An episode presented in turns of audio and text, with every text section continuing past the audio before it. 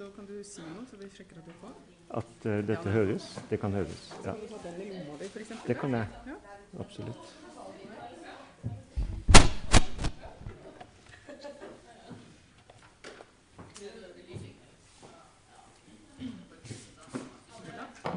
Ja, takk. Ja, dere, velkommen tilbake.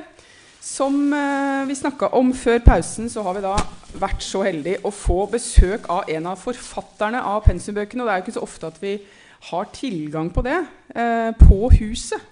Men altså eh, professor Halvor Moxnes. Han er som jeg sa, professor emeritus her på TF. Som betyr at han er pensjonert professor i Det nye testamentet. Eh, men han er ikke en sånn vanlig pensjonist som, eh, som liksom slutter å jobbe. Han er en pensjonist som begynner å jobbe enda mer når han er eh, pensjonist. Og han har da bl.a.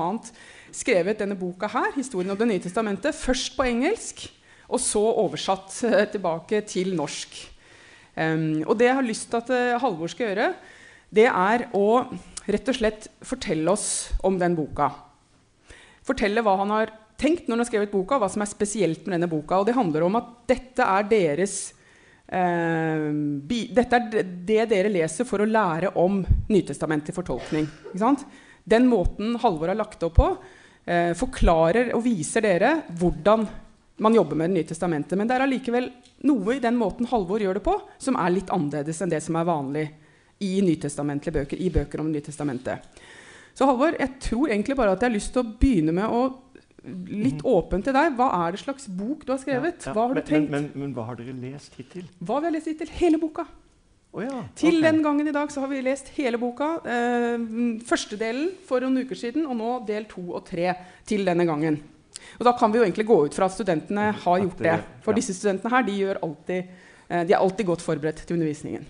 Ok, det, det er glimrende. Takk. Veldig hyggelig å være sammen med noen som har lest uh, boka. Og, eh, det er fordi at eh, det jeg tenkte da jeg ble spurt av dette engelske forlaget om å skrive en, en bok som het Very A Short Introduction to the New Testament, var at jeg hadde ikke tenkt å skrive en kopi av det som det er skrevet masse av, som er sånne innføringer i Det nye testamentet, som forteller da hva er de forskjellige skriftene, hvordan er de, eh, er de blitt til, eventuelt hvordan er de blitt samlet. Uh, jeg tenkte, hva er det man trenger å vite om Det nye testamentet eh, hvis dette kanskje er den eneste boka som du i løpet av studiet leser om Det, det nye testamentet? Eh, da er det jo veldig nyttig å, å vite noe om hva er innholdet. Um, men det er også nyttig å vite noe om historien, om hvordan ble Det nye testamentet til. For det dumpet jo ikke ned som en ferdig bok. Det gikk jo lang tid eh, før disse ulike skriftene ble, ble samlet. Og så er det jo også det da, at eh, bøker er jo ikke bare noen tenkte størrelser. De er jo fysiske ting.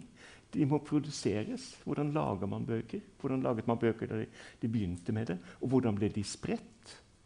Og slik at Det var liksom det å forfølge hvordan gikk Det nye testamentet fra å være skrifter som ble til litt etter litt, til å bli en bok som ble spredt og brukt først i Europa og Midtøsten, og så i store deler av, eh, av verden. Og så tenkte jeg vi er jo ikke de første som leser Det nye testamentet. Hvordan har folk lest det før? Hva har de vært interessert i og opptatt av? Og da var det at jeg eh, valgte denne teksten om Galaterne 3,28. Her er ikke jøde og greker, trell eller fri, mannlig eller kvinnelig. Eh, og hvordan den er blitt tolket og brukt. Fordi at det tar jo opp noen av de viktigste spørsmålene om menneskesyn, kjønnsroller, eh, rase, etnisitet. som jo da eh, de som har lest Nyttestamentet og brukt det opp gjennom årene, selvfølgelig har vært opptatt av. Fordi dette har vært en del om hvilken rolle har Nyttestamentet spilt i samfunnet på alle disse viktige områdene av samfunnet. Og så eh, tenkte jeg at eh, noe som vanligvis kommer på slutten av et studium i Det, i det nye testamentet, eh, sånn med metode og teori men som jeg da tenkte er eh, Hvis jeg ikke snakker om det som teori og metode, men heller snakker om, det, om historien om lesningen Hvordan har man lest det opp gjennom tidene? Eh, og, eh, og, da har det jo vært veldig mye Hvordan har man lest litteratur i det hele tatt? Hvordan har man uh, vært opptatt av hvordan man skal forstå tekster? Uh, det nye testamentet er jo primært en samling av tekster. og folk har til alle tider lest og tolket tekster. og det er noe av det, samme som da har skjedd med Nytestamentet. Og, og, hvor det da, og det er det siste kapitlet, hvor vi nå merker hvordan man bruker vanlige teorier om teksttolkning som dere kjenner fra andre sammenhenger, som dere har brukt på, uh, på videregående, og hvis dere har hatt, vært borti andre typer studier, også har, har jobbet uh, med. Slik at uh, dette var det jeg følte var nødvendig å ha med. Og så har jeg selvfølgelig skrevet det ut fra mitt type perspektiv. Uh, fordi Jeg var heller ikke opptatt av bare å skrive en leksikonartikkel, men og få dere til å tenke på bestemte måter. Eh, og f.eks. da med Paulusbrevene. Det har man ofte vært opptatt av. Hva slags type teologiske spørsmål var han opptatt av. Og det er selvfølgelig viktig. Men, men, det jeg forsøker å vise, er jo hvordan er han opptatt av at disse brevene skal forme disse gruppene eh, som han skriver eh, til. Eh, hva slags identitet er det han vil forsøke å opparbeide? Og hvordan vil han forsøke å få samlinger av folk som plutselig er kommet sammen, til å bli et fellesskap? Et sosialt fellesskap. Og evangeliene at de primært er skrevet for å få folk til å etterligne Jesus og til å følge Jesus. Uh, de forteller om han og disiplene, men det som ligger under, er hele tiden at de vil forme identiteten til dem som leser disse skriftene. Uh, slik at uh, det er på en måte å pense dere inn på lesestrategier og hvilke spørsmål uh, som dere kan stille til, til tekstene, som har vært da som det som jeg syns har vært viktig å, å få fram. Så, så, Derfor er dette en bok som ikke har eksistert før. En type bok som ikke har eksistert før. Fordi at den tanken var hva trenger studenter som kanskje bare leser én bok om Nyttestamentet? Da, da kan man ikke bare ta én bit, men da trenger man å få disse ulike måtene å se Nyttestamentet på. Men eh, Halvor, du jo, har jo vært i mange år en sentral Nytestamentet-fortolker. Um, studentene har lest første kapittel i metodeboka til meg og Gitte -hmm. og Rebekka. Og vi snakker om forskjellige perspektiver, forskjellige blikk, forskjellige lesestrategier. Hvis vi går litt over og ut fra boka, hvordan vil du, du si at hva har vært ditt perspektiv som Nytestamentet-fortolker? Hvordan fortolker du Nytestamentet? Går det an å sette noen merkelapper på det? Kategorisere? Hva slags type fortolker av Det nye testamentet er du, er det hellig tekst, er det historisk tekst, er det litterær tekst? Altså, si litt om det, så vi liksom litt, skjønner litt hvor du er i landskapet. Uh, jeg startet jo med uh, forholdsvis tradisjonell uh, lesning om, av, av romerbrevet. Mm. Men den neste boken var en veldig morsom bok å, å skrive. den tok utgangspunkt i at Lukasevangeliet sier et sted at fariseerne brydde seg ikke om hva Jesus sa, fordi at de var pengekjære. Og så lurte jeg på ok, eh, hva betyr det? En vanlig historisk-kritisk eh, spørsmålsstilling ville være kan vi bevise at fariseerne var pengekjære mm. historisk sett. Mm. Mer enn andre grupper i befolkningen. tenkte jeg. Det kan jo ikke være vitsen med, med dette. Dette er jo egentlig det vi vil kalle sladder mm -hmm. uh, om fariseerne. Dette er en måte å karakterisere dem på uh, som vil skape et negativt bilde av dem. Slik at da må jeg jo se på det litterære. Altså Hvordan er Lukasevangeliet som fortelling? Hva er de rollene som folk, eh, grupper i Lukasevangeliet har? Og, og, og hvorfor uh, slik at Det er på en måte en litterær lesning, en mhm. narrativ mm -hmm. lesning. Men så løste jo ikke det problemet heller. Når jeg altså da funnet ut at fariseerne spilte en negativ rolle, og at dette å karakterisere dem som pengekjære var en del av det. For hvorfor var det galt å være pengekjær mm -hmm. uh, i Lukas' uh, verden? Og da uh, måtte jeg jo begynne å lese noe om synet på økonomi i, i Lukas' verden. Han snakker mye om rik og fattig og, og sånt, og positivt og negativt. Uh, og da var det at jeg fant ut jeg må skjønne det økonomiske systemet som Lukas arbeider med. Og hvordan får jeg tak i det? Jo, uh, det er bl.a. ved å studere økonomisk antropologi, sosialantropologi, som studerer ulike former for økonomi. Uh, og det som var særlig nyttig for meg, var det såkalt peasant economics i eh, eh, Latin-Amerika eh, og i Sørøst-Asia. Studier av landsbysamfunn og, og deres si, solidaritet, hvordan de hjelper hverandre. Og sånt. Og så blir dette truet når det blir industrialisering, når storbyene vokser, når pengeøkonomien kommer inn. Uh, slik at det, dette viste meg at skal vi forstå det samfunnet som Lukas uh, beskriver, så må vi også kjenne noe til sosiale strukturer og forhold. Folks mentaliteter, tankemåter og, og sånt. Og at sosialantropologi eh, er et studium som studerer fremmede kulturer.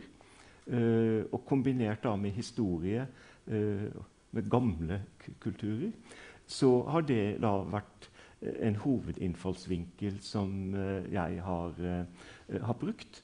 Fordi at vi alltid lever i, eh, i en sosial sammenheng. Og, og, det er mange ting som vi tar for gitt, som andre ikke eh, tar for gitt, fordi at de er ikke lev, vokset opp i, i samme kultur. Noe av grunnen til at jeg kom på dette, var at jeg da tok ble sendt til USA for å drive doktorgradsstudier. Jeg skulle begynne med ph.d. Eh, og Amerika tenkte jeg Jeg har aldri vært der før. Det virker jo omtrent som England. England kjente jeg til, bare litt større. Helt til jeg plutselig oppdaget at det er et fullstendig annerledes land. Altså Mentaliteten, kulturen, er helt, de tenker på helt andre måter. Og da var det at jeg begynte å, å tenke her må jeg forsøke å se om jeg kan bruke den samme modellen på Nytestamentet. At det er oversatt til norsk, ikke sant? slik at det virker jo som om vi kan skjønne dette helt greit. Men de tenker på helt andre måter. De kommer fra et helt annet samfunn. Og, og, og, og da var dette med sosialantropologi et, en hjelp til å finne ut hvordan de tenkte, hvordan de levet, hva som var deres sosiale strukturer. Altså å trenge bak den overflaten som siden den er på norsk, ser helt lik ut. Interessant. Eh, Halvor, hvis du, denne sosialantropologiske måten du har lest på forskjellige typer teorier innenfor eh, sosialvitenskapen um, Vi jobber med hellige tekster. ikke sant? Nytestamentet som en hellig tekst. Har du i din um, tid som forsker, og du er jo også prest, ordinert prest, du, er det noen dilemmaer, er er det noen spenninger i måten du har lest Nytestamentet som forsker, i forhold til det at dette er hellig tekst? Er det, no, er det noen spenninger der? Noen dilemmaer? No, har, du liksom, har, du noen erfaringer av eh, måten du har lest på, som har blitt godt mottatt, som har blitt, vært kontroversiell? Altså, I forhold til stikkordet 'NT' som hellig tekst? Uh, ja, han har ikke forberedt seg, så jeg bare finner på ja, spørsmål. ja, ja det, det, er et godt spørsmål. Uh, Takk. Uh, for, for eksempel, noe av det som jeg har vært opptatt av veldig mye av livet, både som fagperson og som person, uh, det har jo vært synet på kjønnsroller og seksualitet. Mm. Altså, jeg har da vært sånn eh, pro-homo-aktivist eh, mesteparten av mitt voksne liv. Eh, og da er det klart at den kirkelige diskusjonen om synet på homoseksualitet og homoseksuelle har, har vært en viktig ting. Og hvor da eh, bibelsteder har spilt en viktig rolle. Mm.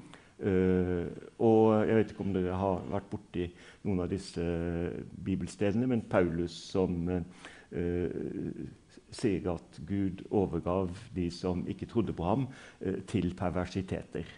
Som at menn ligger med menn og kvinner ligger med kvinner. Og, og, dette har jo da selvfølgelig vært en hovedtekst for veldig mange konservative i Kirken. Eh, og, og, det har tatt lang tid å forandre det der. Og, og så er det altså at uh, jeg har vært opptatt av ikke å benekte at Paulus sa det.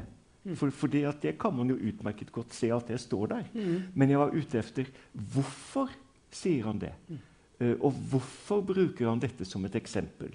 Fordi at det er et eksempel på, på hedningenes frafall fra Gud. Som gjør at han sier det slår ut i at de blir tyver og kjeltringer. Uh, de lyver, uh, de er ulydige. Uh, og, og, og, da det verste eksempelet, dette da med, med, med, sex mellom personer av samme kjønn. og da måtte jeg jo se på selvfølgelig, hva var kjønnsrollemønstrene, og hvorfor var kjønnsrollemønstrene så kjempeviktige eh, i dette type samfunn.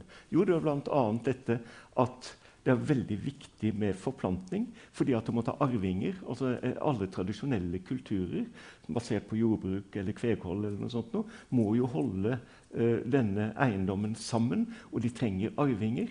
og, og da er det helt nødvendig at, at disse kjønnsrollemønstrene med forplantning blir, eh, blir, opprettholdt. Dessuten så var det altså da eh, for jødene dette med sex mellom personer av samme kjønn, det var noe som tilhørte hedningene. Vi vet at romerne og grekerne driver med det, men vi er ikke sånn.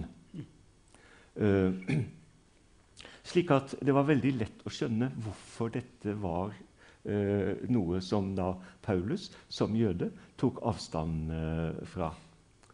Men så er mitt spørsmål da Ja, men er disse grunnene gyldige i dag? Kan vi si at dette er uttrykk for, for kristendommen i, i dag? Uh, F.eks. et spørsmål som jo Paulus overhodet ikke tar opp, for dette er jo stereotypier. Uh, det er omtrent som dette at fariseerne var pengekjære. Den type stereotypier. Dette er noe som alle vet. Sånn er det. Uh, men så var mitt spørsmål da Han sier jo aldri noe om er dette uttrykk for kjærlighet. Mm. Uh, og, og, liksom også da i diskusjonen i dag Ok, sex kan være uttrykk for voldtekt. Eh, det kan være uttrykk for noe man er presset til, og det kan være uttrykk for kjærlighet. Uh, og, og Vi vil alle ta avstand fra voldtekt uh, og at man skal presse noen til, til sex. men at sex, at den, si, den, samme seksuelle handlingen som uttrykk for kjærlighet, vil vi ta avstand fra det også. Slik at Derfor har jeg prøvd å, å tenke Eh, se på det historiske materialet. Hva var årsakene? Hvordan vurderte man dette? Og så å stille spørsmålstegn innenfor eh, et, en type moralsystem eh, som vi vil stå for i dag, om at forholdet mellom mennesker skal være preget av likeverdighet og eh, eh, kjærlighet. Eh, og at seksualitet har en plass i, den, eh, i, i en slik uh, uh, sammenheng. Så vil jeg argumentere for at det er veldig vanskelig å ekskludere sex fordi personer har samme kjønn. Altså jeg vil si Kjærlighet er viktigere enn kjønn. Ikke sant? Ja, kort sagt. Kjærlighet er viktigere enn kjønn. Nettopp. Kan vi kalle det du snakker om nå, for en kirkepolitisk resepsjon? Vi er jo opptatt av å finne ut hva resepsjon er. Ja, ja. Uh, hva tenker du, hva er resepsjon? Du skriver også om det i boka di. Er dette en typisk resepsjon av bibeltekster? Politisk refleksjon av bibeltekster? Resepsjon av bibeltekster? Ja, uh, for, fordi at uh, det er jo da spørsmålet om at vi leser alltid tekster i en situasjon. Og som dere så på dette med, med slaveriet, eh, f.eks., så gikk det jo veldig lang tid eh, før man brakte inn denne type refleksjon om hvordan man skulle forholde seg til slaver. Og, og at de som var eh, tilhengere av, av slaveriet eh, i USA på 1800-tallet, de hadde jo Bibelen på sin side. For Bibelen snakker jo mye om slaver. Eh, mm. Og de som ville oppheve slaveriet, eh, de hadde da trøbbel med å finne gode bibelske argumenter. Eh, slik at de altså da måtte ta eh, utgangspunkt i at Eh, Jesus og Paulus, selv om de ikke tok direkte avstand fra slaveriet, så pekte de med sine holdninger til mennesker på en utvikling hvor eh, man før eller siden må si at slaveri er en umenneskelig måte å behandle mennesker på. Og da er det at, eh, at vi kan se eh, i det som har skjedd i, i, Den norske kirke i løpet av de siste år, 40 årene når det gjelder synet på, eh, på homofile og lesbiske, eh, det er eh, at si, menneskesynet har utviklet seg eh, til at man ikke kan lenger definere homofile og lesbiske som de andre som ikke er som oss. Fordi at når alle sammen har onkler, tanter, fedre, mødre, barn som er homofile og lesbiske, så kan vi ikke lage et sånt skille.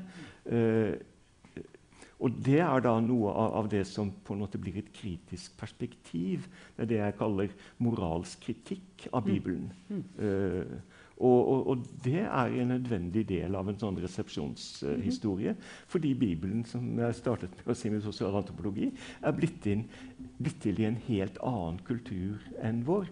Og Derfor så må vi av og til våge å si ja, Paulus sa det, men jeg mener at vi ikke kan si det nå. Ja, akkurat det som, du, som Halvor skriver om resepsjon, og at man ser både på positive og negative konsekvenser av den bibelske resepsjonen. Vi skal ta tre minutter med summegrupper. for Hvis dere har noen spørsmål, noe dere har lyst til å spørre Halvor om det er, Jeg vet Halvor elsker studenter. Så hvis dere har noen, noen, ting dere har lyst til å spørre om det dere har lest, eller om boka, så bare tre minutter med sidemann på en liten summegruppe, så får vi en pause. Og så åpner vi for eh, respons og spørsmål fra salen. Tre minutter fra nå finner dere noen å summe med.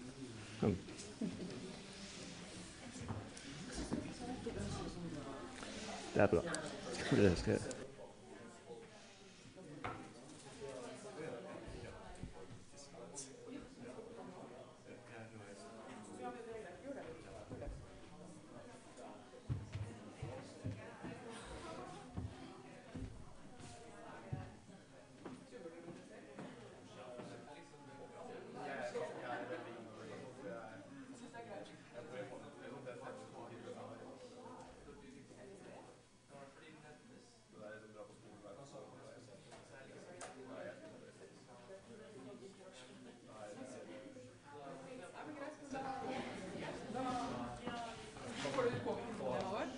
Ja.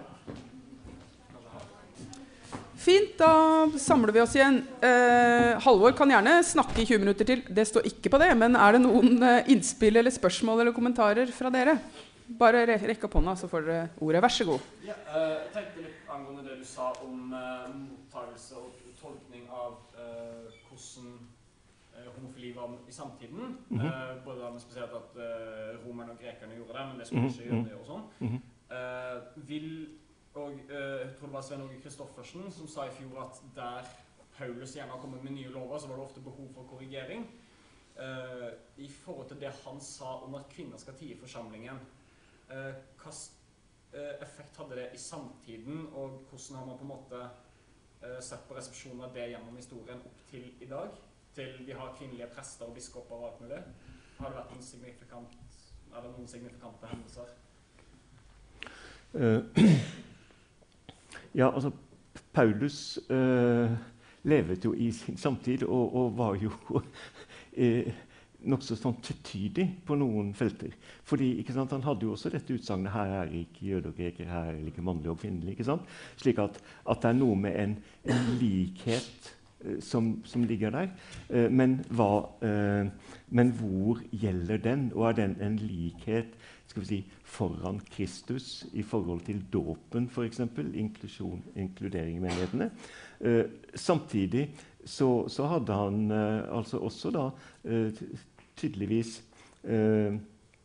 tradisjonelle holdninger på kvinners rolle i forsamlingen.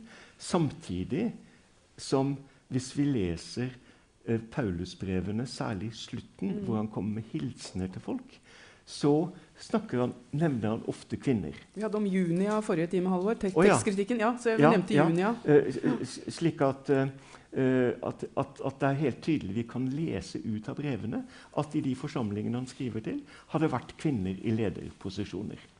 Uh, slik at Paulus er litt schizofren.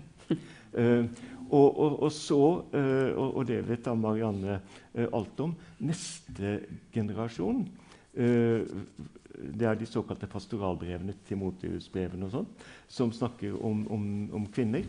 at det som sies der om kvinner, med underordning og sånt, det er antagelig mer det vi vil kalle forskrifter enn rapporteringer. Mm. Altså, dette er slik som disse mannlige forfatterne av disse brevene som de utga for å være Paulus, eh, gjerne ville at situasjonen skulle være.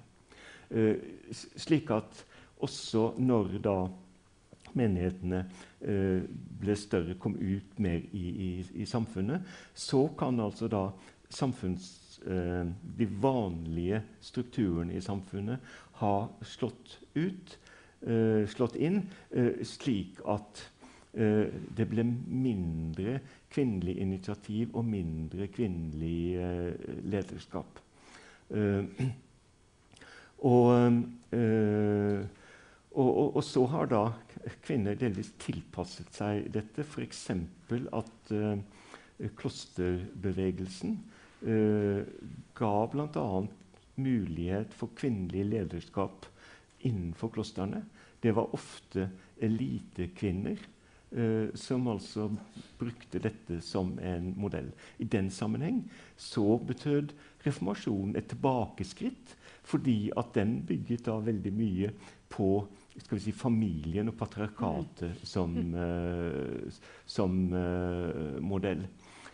Og, og, så må vi da opp på 1700-1800-tallet før eh, vi får eh, skal vi si, kvinnebevegelser, eh, bl.a. her i, i, i, Norge. Asta Hansten. Navnet på skal vi si, den feministiske gjesteforelesningen hvert år på høsten heter oppnevnt, oppkalt etter en, en kvinne på 1800-tallet, som bl.a. da tok opp Bibelen og Eh, og kritiserte eh, teologenes bibelbruk. Eh, for hun understreket altså kvinnene var også skapt i Guds bilde. Slik at det er en, en, lang historie hvor det altså da er på i, Kvinnene har delvis funnet rom, sånn som i middelalderen og klosterbevegelsen. Eh, eller da i, i, nyere tid med kvinnebevegelsen har gått til totalangrep eh, på eh, mennenes fortolkning og, eller bruk av, av, av Bibelen. så og, og, og, det har altså da tatt lang tid i, i, i kirkene også.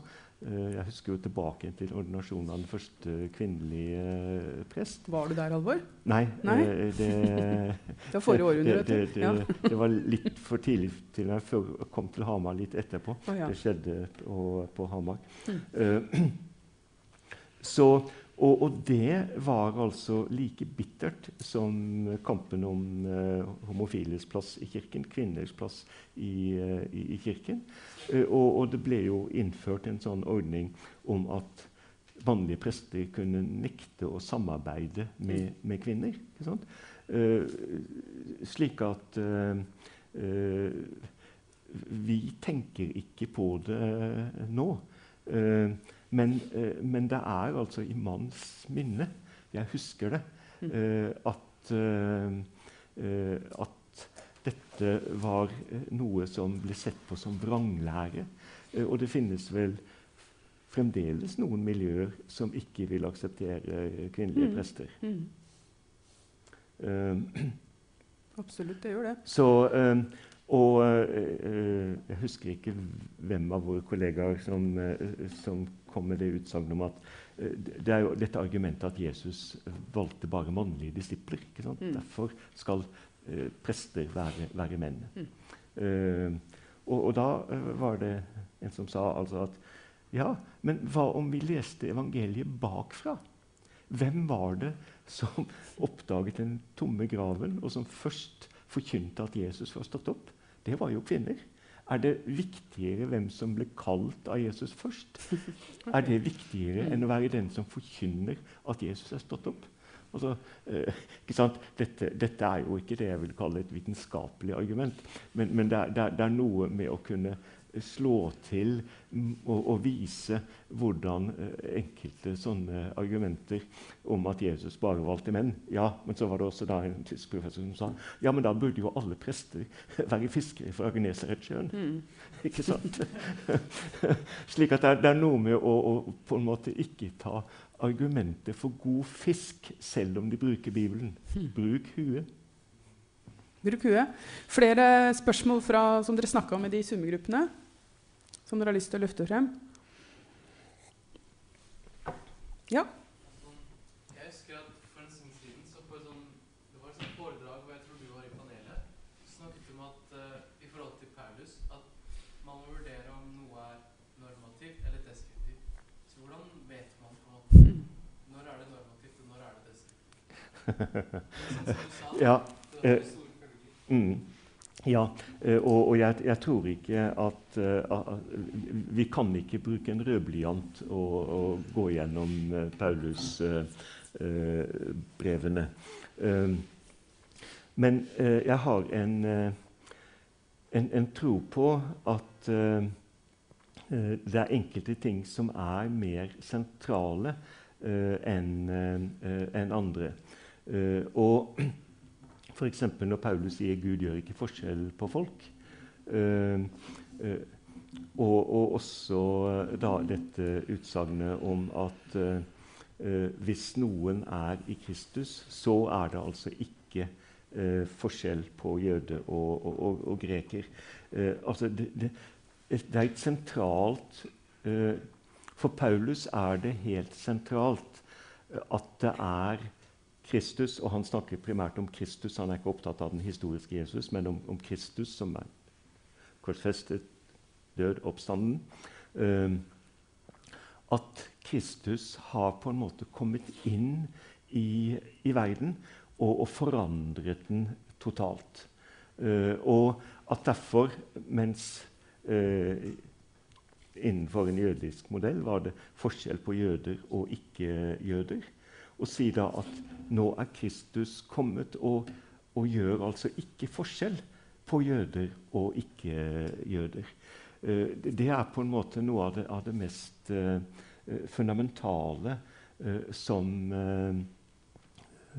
som, han sier. at dette er det nye som Kristus representerer. Og, og, det vil jeg da oppfatte som et sånt sentralt utsagn. Eh, som jeg f.eks. Eh, vil kunne trekke inn i en debatt om rasisme. Eh, eller kjønnsdiskriminering. at og, og, og, det er nettopp denne, denne type sånne det jeg kaller uh, sentrale utsagn uh, som Uh, som jeg da vil Hvis systematikere snakker om at noe er, uh, er, er normativt, så uh, Jeg snakker vel heller mer om at det er sentralt. så og, og, og, som sagt så, så er dette da å forsøke å, å gripe fatt i det. I resepsjonshistorien så viste det seg ved Luther. At uh, når han skulle forsøke å, uh, å, å, å, sette opp hva som er sentralt, så snakket han om det som driver til Kristus uh, i Skriftene. Og Derfor sa han f.eks. at det der Jakobsbrevet det hører egentlig ikke hjemme i Nyttestamentet, for det handler ikke om Kristus. Eh, selv ikke Luther fikk kastet ut Jakobsbrevet fra, fra Nyttestamentet. Eh, men, men, det viser litt om hvordan han tenkte. At hvis et skrift ikke handler om Jesus, så hjelper det ikke om det står i Nyttestamentet. Da, det ikke, da har det ingen autoritet. Men, men øh, Ok, du snakker om noe som er sentralt, og så sier du at um, det er allikevel noe tvetydig. og så snakker du om moralsk kritikk. Men, men, spørsmålet er hvilke kriterier er det du har? For Vi er opptatt av liksom, tekst, tekstenes autoritet, kanonisitet. Hvordan de, hvordan de, får en effekt, hvordan de betyr noe, hvordan de mottas. Er det, er, det, er det, enighet om hva dette sentrale er? Du, du peker på Luther, moralsk kritikk. Altså, er, ikke det, er, ikke det, litt sånn opp til meg å si nei, jeg syns det er sentralt, ja, du syns det er sentralt, og så sitter vi der? Eller, eller er, det, er, det, noen kriterier du mener har mer gyldighet enn andre for hvilken type resepsjon, fortolkning, som er akseptabel eller gangbar eller bra? eller... Altså, Jeg må jo da kunne argumentere for hvorfor mm. mener jeg eh, eh, hvorfor mener jeg dette? Og Det er da jeg mener at, eh, at dette som Paulus uh, sier om, om, Kristus som kriterium, mm. og hvilket menneskesyn fører det til. Altså Hvis vi aksepterer at Gud gjør ikke forskjell på folk. du kan også bruke skapelsesberetningen om at mennesket er skapt i, i Guds bilde. og Uh, slik at det, det, er hvilke konsekvenser trekker vi av, av det, uh, som, som, jeg mener er, uh, er det avgjørende. Mm. Og, og, som jeg vil bruke som et kriterium. Mm. andre vil bruke andre kriterier, som at Paulus har jo sagt at homoseksualitet eller sex mellom menn er, er galt. Mm. Jeg vil holde meg til det. Mm. Og, og det eh, mener jeg da blir skal vi si, et uh, vanskelig å begrunne at det har sammenheng med de mest sentrale utsagnene hos, hos, Paulus. Mm. Uh, men, uh, men, vi er jo her Dette er jo et humanistisk fag. Mm. Uh, det, er ikke matematikk, det er ikke naturvitenskap. Mm. Vi kan ikke finne slike skal vi si, vurderinger ja, slik mm. som du, du kan. Eh, mm. eh, slik at Derfor så vil det hele tiden være et, en del av et, uh, av et, eh, et, et skjønn, altså en, en egen vurdering. Kristoffersen ville der snakke om dømmekraft. Mm. Ikke sant? At, uh, slik at du må kunne, men, men, kravet er jo at du må kunne redegjøre for hvorfor tenker jeg som jeg tenker. Mm. Og hvordan mm. uh, henger det sammen med det som er sentralt i kristendommen? Igjen slik jeg oppfatter den. Mm. Nettopp. Å kunne ha argumenter og kunne redegjøre for det og kunne basere det på noe form for diskusjon eller kriterier for hvordan man fortolker. Vi har ca. ett minutt igjen. Skal vi bruke det på å få et siste spørsmål som Halvor må svare kort på, eller skal vi bruke det på en lang og, og, og tung applaus? Er det noen spørsmål? Eh, du har spurt før. Er det flere som ikke har spurt før, som har noe dere brenner inne med? Niks. Da får du det siste spørsmålet, kort og konsist. Eh, du sa litt om det, men ser du noen forskjell eh, når det kommer til skjønn og likestilling, homofili, whatever, på de ekte og de falske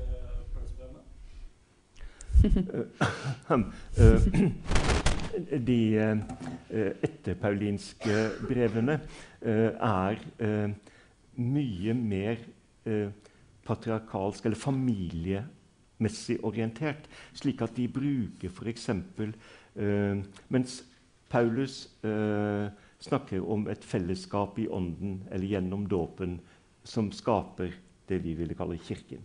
Så bruker disse pastoralbrevene så bruker de familien, husholdet, som modell for Kirken.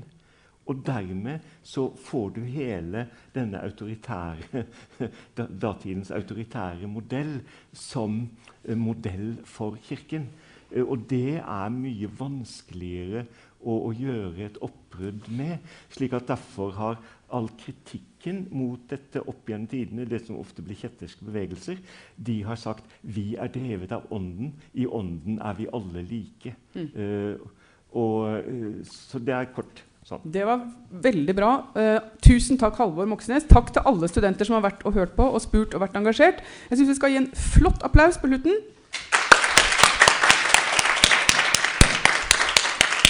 Tusen takk. Gøy å være her. Strålende. Vi ses om en uke, så har dere grupper og veiledning og sånn i resten av uka. Takk for nå.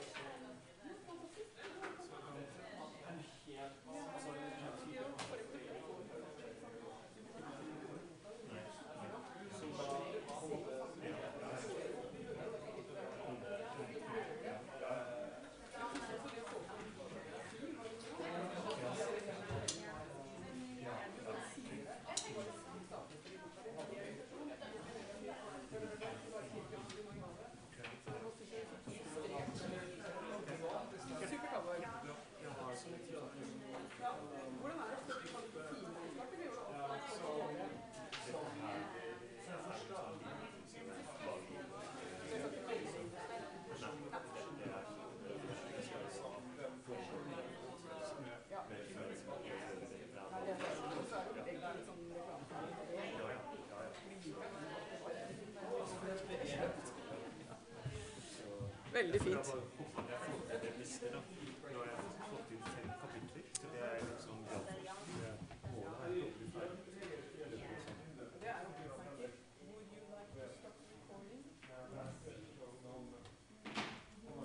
Jeg må legge det inn her, skjønner du.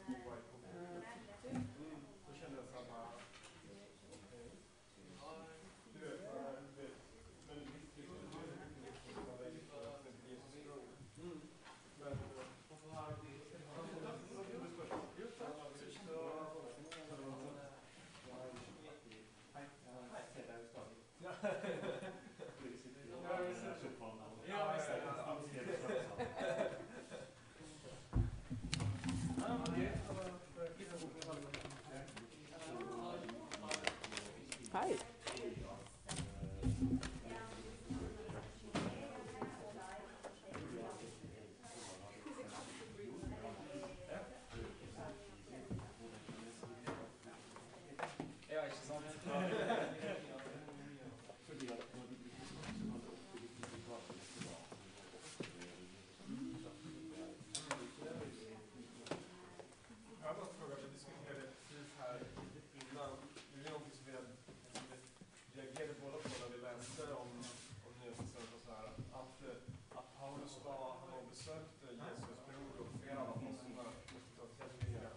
somebody who's